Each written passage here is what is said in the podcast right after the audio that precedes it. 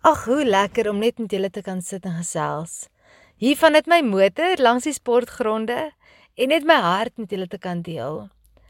As 'n mamma van 2 en 'n besigheidsvrou en 'n sanger en 'n liedjie skrywer en 'n plaasvrou, ons het ons eie klein stukkie klein hoewe wat ons ehm um, skapies en goedjies aanhou, is daar soms so baie Daar is so baie wat ons moet doen, so baie wat ons moet by uitkom dat die dag vol raak.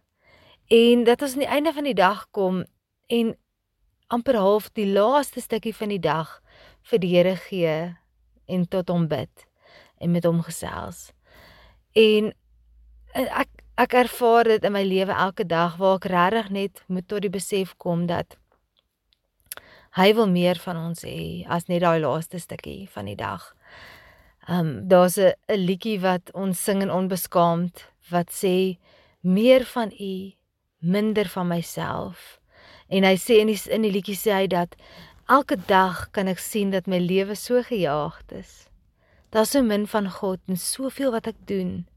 En aan die einde van die dag dan kom ons en dan ons leeg. En ons voel of ons oorlaai is.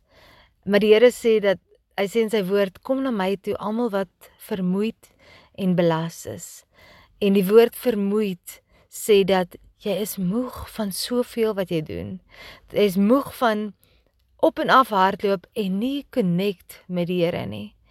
En die die woord belas praat van soveel laste wat ons dra, soveel spanning en soveel stres wat ons saam met ons dra, die las van die lewe. En die Here sê kom na my toe as jy vermoeid en belas is. En hoe ongelooflik is dit net om hierdie 3 liter 3 letter woord te kan hê wat ons na die Here toe kan kom en tot hom kan bid wanneer ons vermoeid voel en wanneer ons belas voel. Ek onthou dit ek nog baie klein was. My ouma ehm um, en my wel my my my dad is ook so, hy praat ook so met die Here, maar ek onthou toe ons jonger was en ons gaan kuier op my ma, ag my ouma hulle. En ehm um, my ouma lê in die nag en dan bid sy tot die Here. Sy het altyd so hard gebid.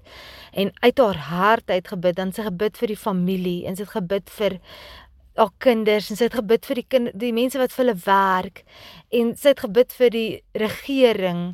Kyk, my ouma het hom wyd gevat. Dan lees sy so en bid, dan hoor ek hoe sy met die Here praat en dan in my hart dan sê ek, Here, sien my ook raak en ek het daad ek geleer en tot die besef gekom dat ons kan met die Here gesels soos wat ons met 'n vriendin gesels soos wat ons met mekaar gesels en net ons hartsgeheime deel hy kan nie wag dat ons met hom gesels nie. Hy is hy sit amper op die punt van sy stoel om te sê wanneer gesels jy met my? Wanneer praat jy met my? En ek moes regtig 'n besluit neem en sê Here Ek gaan U betrek by elke gedeelte van my lewe. Ek gaan U betrek wanneer ek skool toe ry om die kinders te gaan haal, wanneer ek hulle van een aktiwiteit na die volgende ry. Ek wil met u gesels en vir u vertel hoe wat in my hart aangaan. Ek wil vir u vertel hoe amazing u is. Ek wil vir u dankie sê vir hierdie goedheid en guns in my lewe. Psalm 23 praat dan sê hy waarlik net goedheid en guns sal my volg al die dae van my lewe. En ek spreek hierdie skrifvers oor my lewe uit. Of dit is in my finansies, of dit is by die kinders by die skool, of dit is in my huwelik, of dit is waar ook al, my bediening, my roeping, sê ek Here, U sê in die woord net goedheid en guns volg my en ek bid dit. Ek bid dit elke dag as ek met die Here praat, dan bid ek sy skrif en ek bid sy woord en want sy woord is die waarheid en sy woord sal nooit nooit na my toe leeg toe terugkeer nie. Die Here se woord is die waarheid en dis hoekom ek dit bid.